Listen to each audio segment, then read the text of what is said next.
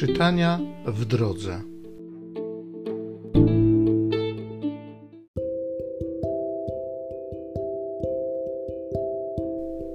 Z księgi proroka Ozeasza. To mówi Pan. Na pustynię chcę ją wyprowadzić i mówić do jej serca.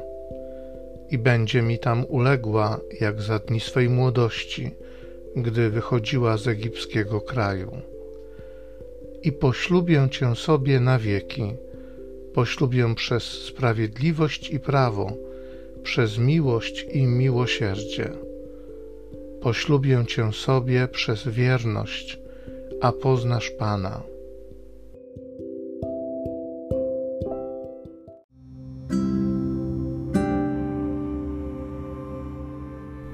Z Psalmu 45 Posłuchaj, córko, spójrz i nakłoń ucha. Posłuchaj, córko, spójrz i nakłoń ucha. Zapomnij o swym ludzie, o domu Twego Ojca. Król pragnie Twego piękna, on Twoim Panem, oddaj Mu pokłon. Córka królewska wchodzi pełna chwały, odziana w złotogłów. W szacie wzorzystej prowadzą ją do króla za nią przywodzą do ciebie dziewice, jej druchny. Wiodą ją z radością i w uniesieniu.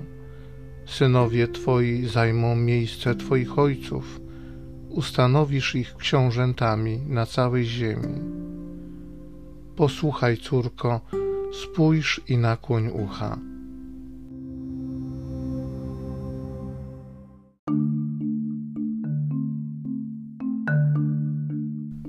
Przyjdź, oblubienico Chrystusa, przyjmij wieniec, który Pan przygotował dla Ciebie na wieki.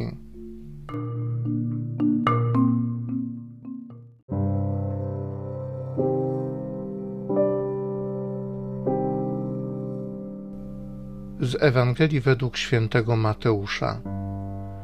Jezus opowiedział swoim uczniom tę przypowieść. Królestwo Niebieskie podobne jest do dziesięciu panien, które wzięły swoje lampy i wyszły na spotkanie oblubieńca.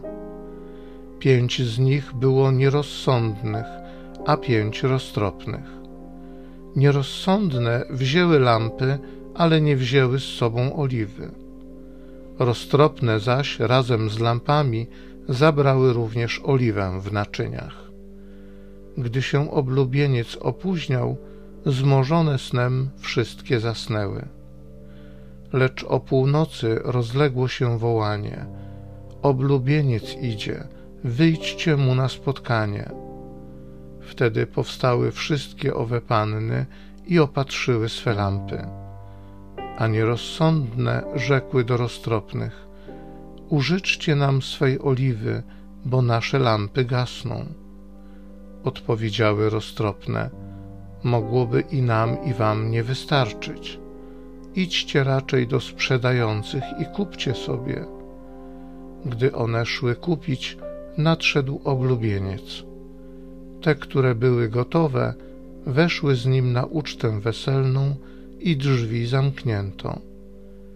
W końcu nadchodzą i pozostałe panny, prosząc: Panie, panie, otwórz nam. Lecz on odpowiedział: Zaprawdę powiadam wam, nie znam was. Czuwajcie więc, bo nie znacie dnia ani godziny.